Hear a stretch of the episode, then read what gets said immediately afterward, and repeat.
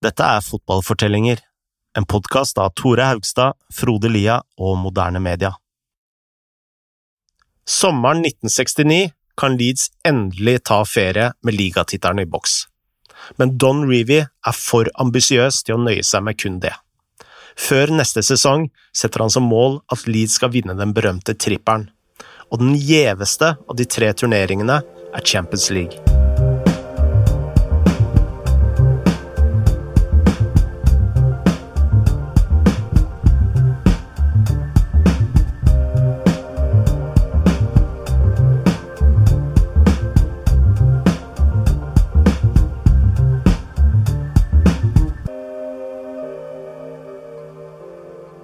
Denne sesongen skulle bli den eh, mest intense som Leeds noen gang spilte under Don Reevy.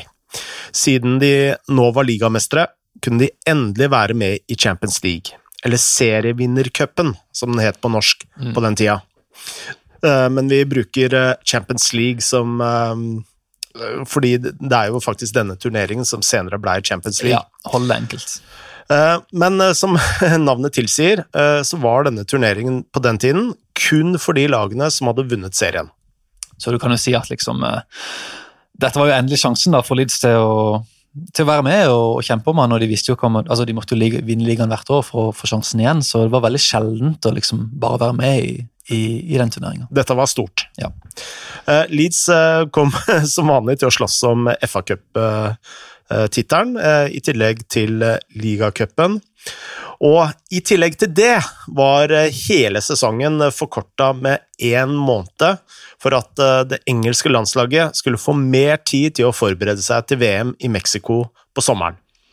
Dette betydde at alle kampene skulle bli spilt i løpet av en enda kortere tidsperiode enn først antatt. Ja, så altså Dette var jo galskap, egentlig, og sånn sett virker det jo nesten som Det virker jo sprøtt at Reevy skulle gå ut for tre trofeer på én sesong med dette programmet i vente. Ja, fordi i forrige episode så fortalte vi jo om uh, det tette kampprogrammet, og nå har et allerede uh, kjempetett uh, kampprogram blitt enda tettere. Med mi, ja, altså minus fire uker, og det var helt, helt sprøtt. og Um, vi hadde jo erfart før hvor, hvor, vanskelig det kunne være å være med i så mange turneringer på en gang. Uh, Leeds ble alltid utslitt. Så vi spurte Daniel Chapman hvorfor var Reevy likevel så bestemt på å gå etter alle trofeene.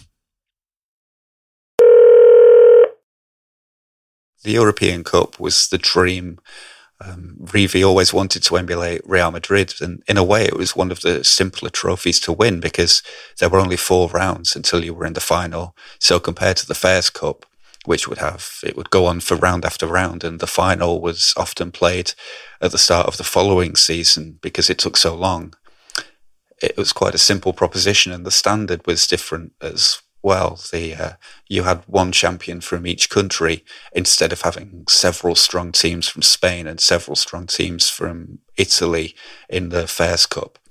So it wasn't as daunting a prospect as uh, as its prestige makes it sound like it had. So there was an opportunity that Leeds could easily get to the semi-final and final of the European Cup. The league title winning it was one thing, but to defend it was what a great team does. And having won it, there was really only one choice for Reeve. You go out and you try and win it again. And you prove to people that it wasn't a one off, that you can dominate football. You can win trophies season after season.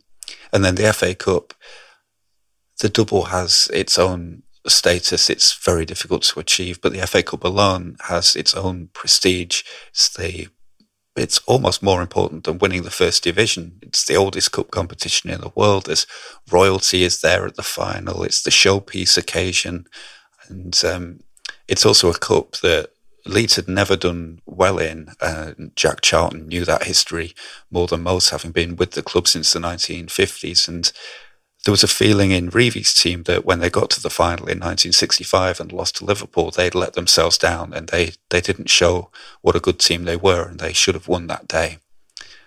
So there were a lot of factors that meant at the start of the season, all those trophies were there to be won and Leeds United's attitude was we'll just go out and try and win them all. Med så store ambisjoner visste Revie at uh, terminlista kom til å bli veldig brutal eh, utpå våren.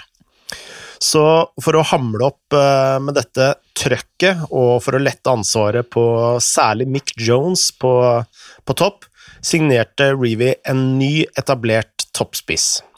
Han het Alan Clark, og han kostet 165 000 pund fra Leicester. Og Clark var en uh, spiss som var hva skal vi si, eh, sikker på sine egne ferdigheter. Altså, når jeg leser om Clark, så første jeg tenker på, er jo Zlatan. Ja, ja. Men la oss sette tilbake til Daniel Chapman for å høre om hva slags spiller Clark var. he would say he was self-confident, but everybody else thought he was arrogant. And there was no doubt that he had an ego. But that's, it's something a striker needs. And Leeds always had a problem finding and developing strikers from within their youth team throughout the history of Leeds. We've still never really produced a centre forward from the youth team. John Charles was one of the greatest centre forwards in the world, but when he started at Leeds, he was a centre half and moved forward. And then in the 80s, there was Terry Connor and Aidan Butterworth, but Aidan Butterworth gave football up to become a PE teacher. Um, and then after that, there was Alan Smith, who broke through at the turn of the millennium. But after a while, he became a midfielder anyway. So there's never been a brilliant number nine from within. And with Don Revie building his team from within and finding the players in the youth teams, that was the one position he couldn't fill. Mick Jones came from Sheffield United for a very big fee, and he helped the team be what it already was, which was a team that scored from midfield and the wingers contributed a lot. Johnny Giles was always top scorer, and Albert Johanneson on the other wing um, would contribute a lot too. But Allan Clarke added a different dimension by being the player in the penalty area who would score goals. And in the first season, uh, Leeds scored 18 more goals than they'd scored the season before, and he scored 17 of them. And that immediately says he was having an impact on the bottom line of what the team was achieving. His personality, I'm not sure whether Don Revie did it deliberately, but he made him room with Billy Bremner, who was the captain of the team and the embodiment of everything Revie wanted from his players. And Allan Clarke says himself that the idea that he was going to be a, a, star or an arrogant player or put himself above the people around him was very quickly um, made clear that it wasn't going to work. Clarke and Bremner ended up being lifelong friends. Allan Clarke says that he still thinks about Billy Bremner every day since he died. And um, as a combination, it says something about what Leeds were able to do by assimilating a player that the rest of football thought was a rebel and only out for himself and was in it for the money and for taking money from transfers from club to club. But he came to Leeds and never put himself above the team um, and was absolutely crucial to the club for the next 15 years. Vi vet altså at Clark umiddelbart hjalp Leeds med å bli mer målfarlige med ja, sin målteft og ja, sin løp uten ball osv., uh, men det betydde ikke at alle kampene ble underholdende. Uh, I den andre kampen, ligakampen den sesongen møtte Leeds Arsenal, uh, og det var så mye kontroverser å stoppe spillet i den kampen at dommeren la til tolv minutter, og i tida før VAR så var det ganske mye. Clark fikk et kutt over i den kampen, og Terry Cooper måtte av banen med en ansiktsskade. Da han løp inn igjen på gresset, var to av tennene hans ute av posisjon, og de var altså så slått så på skakke at han måtte trekke de etter kampen. En uh, mer målrik kamp ble Leeds sitt uh, første oppgjør i Champions League. Og der møtte de ingen ringere enn skiklubben Lyn mm. fra Oslo, Norge. Og dette Lynlaget var faktisk ingen kasteball i europeisk sammenheng på den tiden utrolig nok som det kan høres ut uh, som uh, et par tiår etterpå. Ja, for de, de var, men var, jeg tror også de var amatører på den tida. Ja, ja, ja. selvsagt. De var amatører. Um, men sesongen før hadde de kommet seg helt til kvartfinalen i cupvinnercupen. Og dette var jo en kjempe, kjempeprestasjon. Altså, uh, altså, ikke bare i dag, men også på den tiden så var det jo uh, helt fantastisk. Mm.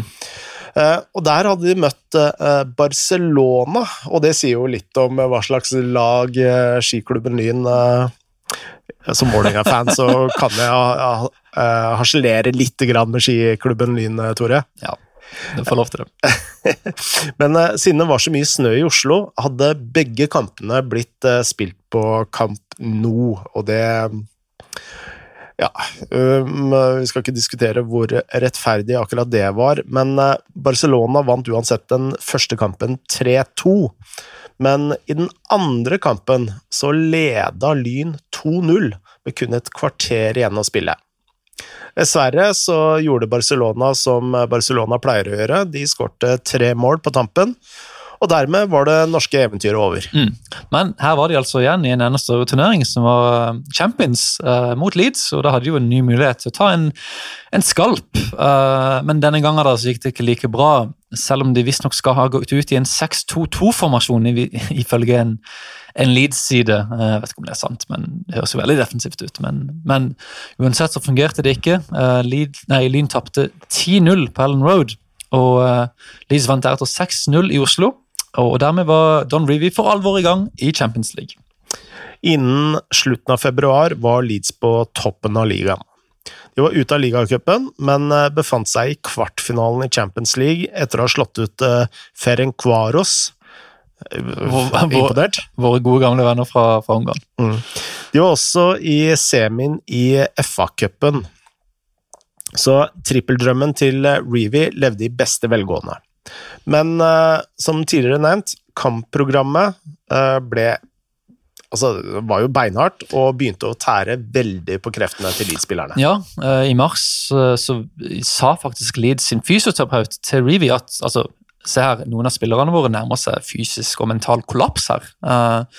Og det ble jo verre på våren. Eh, på vinteren så hadde banene vært harde pga. kulda, og det var liksom lettere å løpe på. Men nå som de tinte opp, da, så ble de plutselig våte og gjørmete og, og, tyngre å løpe på. Uh, og alle omkampene gjorde det jo ikke lettere heller. Uh, I semifinalen i FA-cupen måtte Leed f.eks. spille tre kamper for å slå ut Manchester United. Disse tre kampene ble spilt over ni dager. og innimellom der så hadde Leeds i tillegg møtt Wolves i ligaen, så det sa jo seg sjøl at uh, dette kosta krefter. Bare for å sette kampprogrammet litt i perspektiv. Altså Fra 18. mars til 4. april spilte faktisk Leeds ni kamper på 17 dager. Ja. og det, det er beinhardt. Det er helt sykt. Og det var uh, Altså, i, altså, det var jo syke omstendigheter, og etter hvert innså Reevy at uh, det var umulig for Leeds å kjempe om alle trofeene samtidig. Kanskje litt seint, vil uh, mange mene, ja. men uh, han måtte gi slipp på en av dem. Så spørsmålet er hvilken skulle han velge? Mm. Det kom jo definitivt ikke til å bli Champions League, siden Leeds aldri hadde hatt sjansen til å være med i den turneringa før. I FA-cupen var de ja, veldig nærme Unati, de var jo i finalen. Uh, og uh, Så det var jo ikke noe altså, Vi kunne ikke gi opp den. Uh, og Da var det jo ligaen som sto igjen der hvor det var lengre vei å gå til toppen. Så Leeds de endte opp med å bruke reservelaget i de siste kampene og tok kun tre poeng på de siste fire.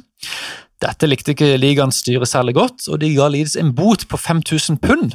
Uh, og dette falt ikke i god jord, god jord, hos Leeds. Og dette kan vi jo skjønne, for det var jo i stor grad arrangørenes feil at kampprogrammet var så brutalt. Det var de som hadde forkorta sesongen med en måned, og nå som Leeds-spillerne holdt på å kollapse, fikk de heller ikke hjelp med å få kampene verken utsatt eller flytta. Mm.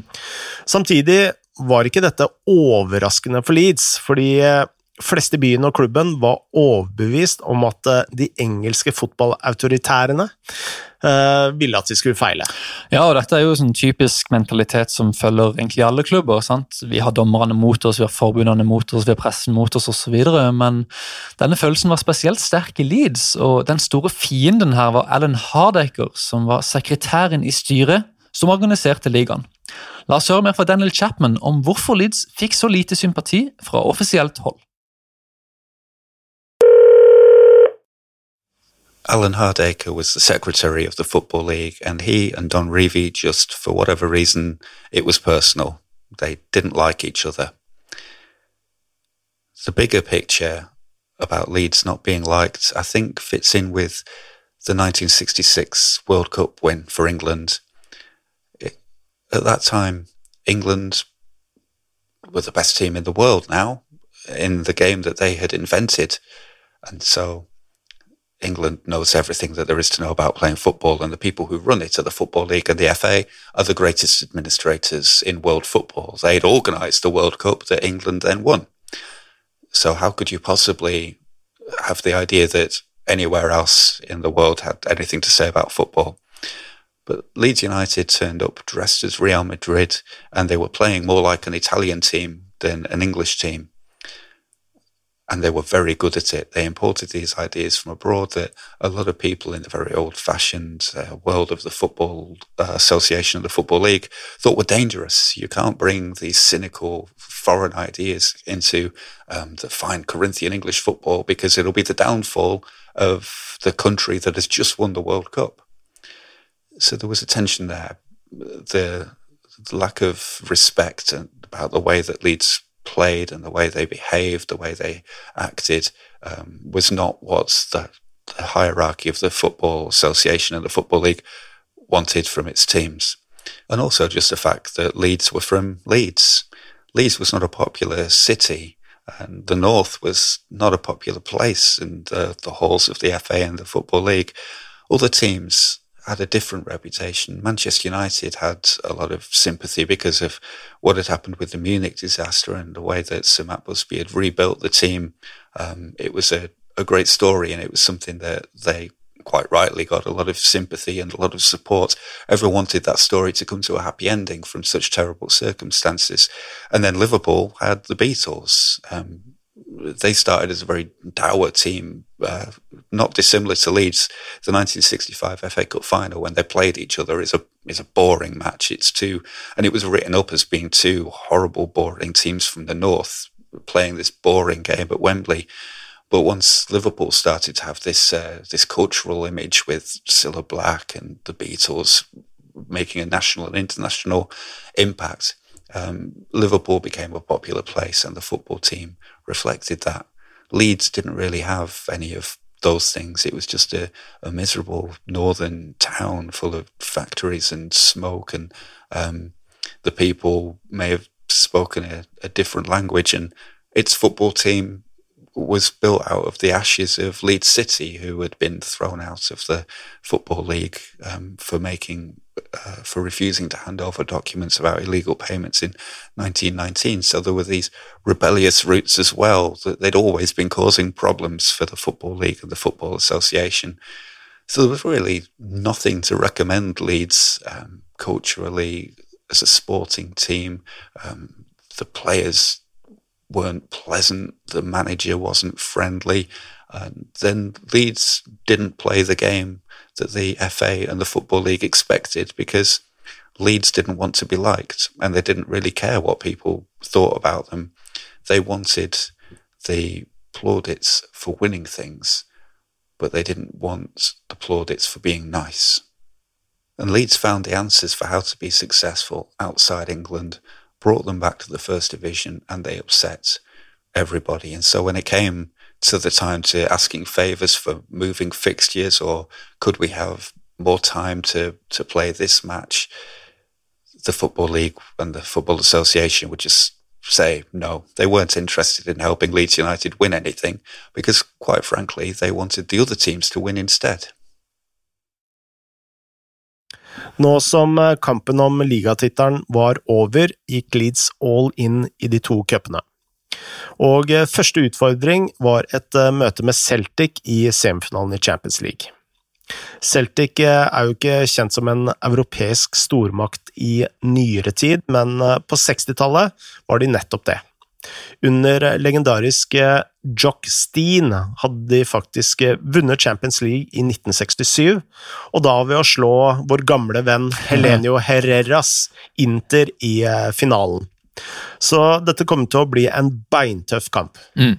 Dessverre for Leeds tapte de den første kampen 1-0 hjemme. Uh, Fælt utgangspunkt, og som ikke det var surt nok, da, så sikra Everton ligatittelen samme kveld som et sånn ekstra klaps i trynet. Leeds spilte ikke bra mot eh, Celtic, eh, og Reevy visste jo at de måtte løfte seg til FA Cup-finalen, som nå var mot Chelsea. Før eh, finalen mot Chelsea var banen i praksis en gigantisk jordåker, og mye av årsaken til det var at det nettopp hadde vært en diger oppvisning av hester i dagene i forkant. For der skulle faktisk kåre, kåres årets hest, eller Horse of the Year. Ja. Og i etterkant så besto jo gresset bare av gjørme og sand, men Leeds klarte likevel å levere en knallkamp, og var uheldige som eh, kun klarte 2-2. De ledet eh, faktisk 2-1, og Reevy skulle til å rope til dem at de skulle starte med å parkere bussen, eller legge seg bakpå, som det heter på fotballfagspråket. Men eh, så ble han visstnok blokkert av noen politifolk for å komme seg tilbake på sidelinjen. Og dette høres jo litt eh, rart ut i dag, men uh, det passer jo veldig i dette narrativet om at uh, autoritetene ville skape trøbbel for Leeds. Absolutt.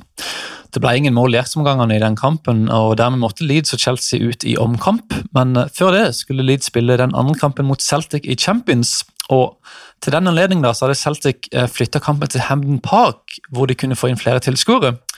135 000 hadde pressa seg inn på tribunene den dagen. Eh, og Reevy var så gira på å vinne den kampen at han så, sa at han hadde gitt en hel årslønn for å slå ut Celtic.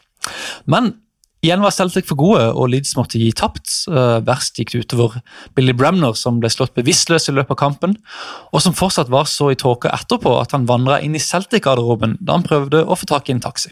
Leeds uh, hadde kjempet knallhardt for å vinne trippelen, og nå sto de i fare for å ende sesongen uten noe som helst. Og det økte jo desperasjonen betraktelig før uh, omkampen mot Chelsea, som fant sted på Old Trafford. Og dette skulle jo bli en av de mest voldelige kampene i FA-cupen noensinne. Og dette er jo en legendarisk kamp. Mm.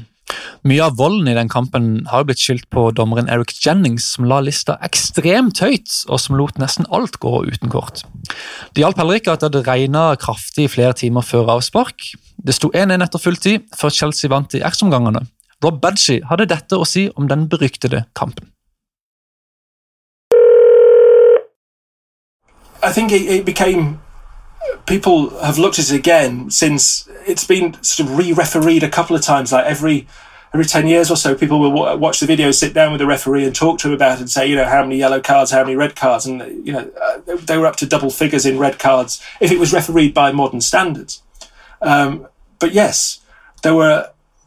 You know, uh, there were a lot more Chelsea fouls than there were Leeds fouls, but but it was a time that Chelsea and Leeds were two clubs I, there's some dispute about this. I've spoken to Chelsea fans about this. You know, this idea of, of a cultural divide. You know, the, the swinging Kings Road and, and, and the flat caps of the north. You know that, that we sometimes fall into those those um, generalizations that you know that the Chelsea players were were into wine bars and they all had long hair and you know they were all part of the the swinging Kings Road, whereas Leeds fans were were, were were taken off by Revie to, to stay in little hotels in the Yorkshire Dales where they could you know, be sequestered and, and, and play, you know, cards and play carpet bowls and kept away from that sort of, you know, one's very much a working man's club environment and the other one is, is, you know, something that, that, you know, wouldn't look out of place in, in, in, in a, in a, in a film, you know, in something from 68 or 69. So, but Chelsea did have a, a really hard, ruthless streak about them that they weren't going to be intimidated. They weren't going to be bullied. And those games against Leeds were, were epic. The, the first game, the game at Wembley was played on a terrible pitch, and Leeds uh, threw away the lead by a, a, a mistake from Sprake, who was uh, a marvellous goalkeeper, but but but made several high-profile mistakes. Um, by the time the replay came round, Leeds had everything had gone. They they'd been fighting on every front. Um, they they uh, they'd given up the league with four games to go um, because you know they, the congestion was too bad. They'd been knocked out by Celtic in the European Cup semi final, the, the match at Hampden with the 135,000 people there. Um, so this was their last throw of the dice, really, and there was a there was a sense of, of, of desperation, I think, that that overtook them. But the the, the the, the spark of it all was was a foul um, during the first game, Eddie Gray was man of the match, and he'd set up both goals. He'd been fantastic, um, and he'd taken on uh, David Webb uh, at right back. And what Chelsea did it for the second game, and he he you know he he'd humiliated him. He beat could beat him at will, even on a very very heavy pitch. So Chelsea switched Ron Chopper Harris from uh, centre half to right back to play Revie, and within uh, sorry to play against Gray, and within six minutes he he virtually kicked him out of the game uh, without censure from the referee.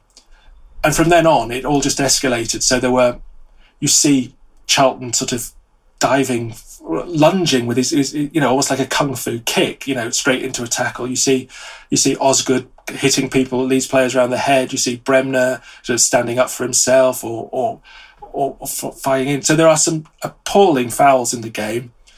The referee, you know, was, was, was well, we couldn't call him criminally negligent, but we'd have to call him morally negligent, I suppose, in that he just let it go on. I think he just felt that there was nothing he could do. And this, after all, was, you know, one of only two domestic games that would be on in a season uh, live on television. You know, it's usually one, the FA Cup final, but, but now there's a replay, so there's a second game. So people managed to see both sides of, of, of both teams, really. So there's a huge TV audience. I think it was the, the most uh, for a, a sporting event in the UK up to that point. Um, I think even more than the 66 World Cup final because of the spread of televisions throughout the country. So it had a huge TV audience, and uh, yeah, I think it infected views of, of, of Leeds for years. But you know, Chelsea deserved to win. I think in the end. I mean, they it, it went to extra time. There was nothing really between the two teams. Leeds scored a sensational goal with Mick Jones, but yes, there was um, there was too much. And yet, you know, there are. You look at that Leeds team, and you could point to them. You could say, you could say, Paul Reaney, the the right back, was a very hard man, and you know would give George Best a hard time. Best would call him his toughest opponent. You know, Charlton and Hunter were very tough. Giles and Bremner were very tough. Allan Clarke, you know, was almost like a sadist in terms of uh, of his finishing. He he would do that, but he was a, a relentless, you know, narky player on the field. He'd have a very sour temper on the field with with opponents, and he would he would foul people.